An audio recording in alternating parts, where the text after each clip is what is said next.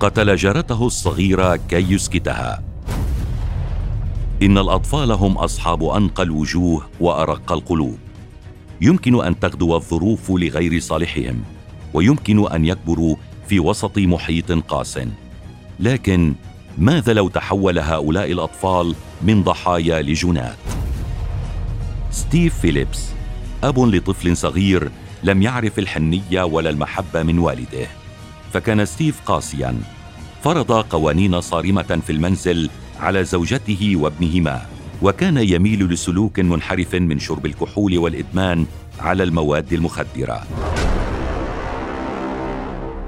كبر جوش في أجواء منزلية صعبة لما كان يضغط عليه والده ويمنع وجود أي طفل في المنزل عند وجوده. كان فيليبس يبلغ من العمر 14 عاما ويعيش مع عائلته في جاكسونفيل فلوريدا وكان فتى ودودا وهادئا حسب رواية الجيران. لكن في الثالث من نوفمبر عام 1998 تغير الحال تماما وتغيرت نظرة الجيران لجوش لا بل نظرة المجتمع الأمريكي بأسره. إذا ماذا حصل كي تتبدل صورة الفتى فجأة؟ في ذلك اليوم كان جوش وحيدا في المنزل عندما جاءت مادي كليفتون التي كانت تعيش على الجانب الآخر من الطريق إلى منزله وتطلب منه الخروج للعب البيسبول. وافق فيليبس على الرغم من أنه لم يسمح له بمقابلة أصدقاء أثناء غياب والديه. بينما كان الاثنان يلعبان البيسبول ألقى جوش الكرة على مادي وضربها بطريق الخطأ في عينها. مما تسبب في نزيفها ومن ألمها راحت الفتاة تبكي وتصرخ بصوت عال. أصيب فيليبس بالذعر وهو يعلم أن ستيف سيعود إلى المنزل قريبا فكان يخشى رد فعله أكثر من أي شيء. لذا قام جوش بجر كليفتون إلى منزله. ضربها مرة أخرى بمضرب البيسبول لمنعها من الصراخ قبل وضعها تحت قاعدة سريره. عندما عاد ستيف إلى المنزل، تفاعل فيليبس معه لبعض الوقت لكي يبدو طبيعيا قبل أن يعود إلى غرفته ليتحقق من وضع مادي. عندما اكتشف أن كليفتون لا تزال على قيد الحياة وهي تئن تحت سريره، أزال الفراش ليهم بقطع حلقها وطعنها في صدرها سبع مرات بالسكين مما أدى إلى مقتلها على الفور تم الإبلاغ عن اختفاء كليفتون في حوالي الساعة الخامسة مساء ذلك اليوم. قامت الشرطة والمتطوعون بالبحث عن كليفتون لمدة ستة أيام. شارك فيها فيليبس في البحث عن الضحية التي كان قد اودى بحياتها ببرودة أعصاب عجيبة ومخيفة. إلى متى ستبقى جريمة جوش سرا ملتويا يخفيه تحت فراشه؟ وإلى متى ستبقى جثة تلك الطفلة جسدا مرميا سلخت منه الروح بأفظع الأساليب. كان العاشر من نوفمبر كفيلا بأن يقلب معادلة البحث التي كانت تبوء بالفشل.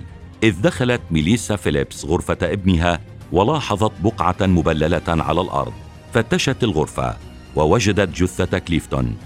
فغادرت المنزل على الفور لإبلاغ الشرطة بالحادث. تم القبض على فيليبس في نفس اليوم في مدرسته. وساعات قليلة كانت كفيلة بأن تدين جوش الذي اعترف بجريمته فورا. عقدت محاكمة فيليبس في عام 1999 وتمت محاكمته كشخص بالغ فسرعان ما أدنته هيئة المحلفين بجريمة قتل من الدرجة الأولى وحكم عليه بالسجن المؤبد دون إمكانية الإفراج المشروط تابع جوش تعليمه داخل السجن وكان قد طلب تقديم اعتذار لعائلة مادي لكنهم رفضوا أن يتكلموا معه.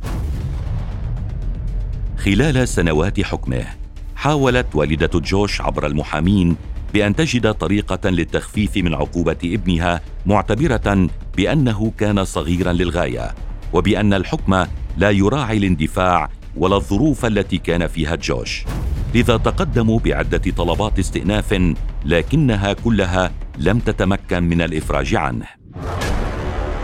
ففي سبتمبر عام 2016 استأنف محامو فيليبس الحكم وتم قبول طلبهم. فتم منحهم جلسة استماع جديدة للحكم.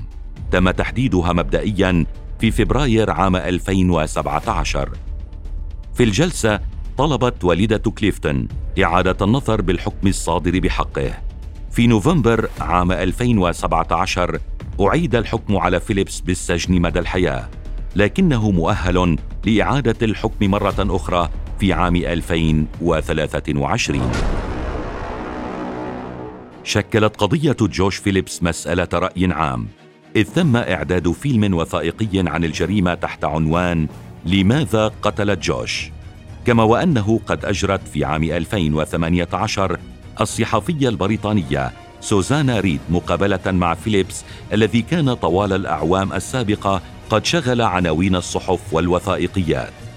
هذا الطفل الذي فقد طفولته لما ارتكبه بحق طفلة أخرى اعتبر من أصغر المجرمين في العالم. ولا زالت حالته النفسية والدوافع وراء قتله هذه الفتاة مجهولة حتى الآن.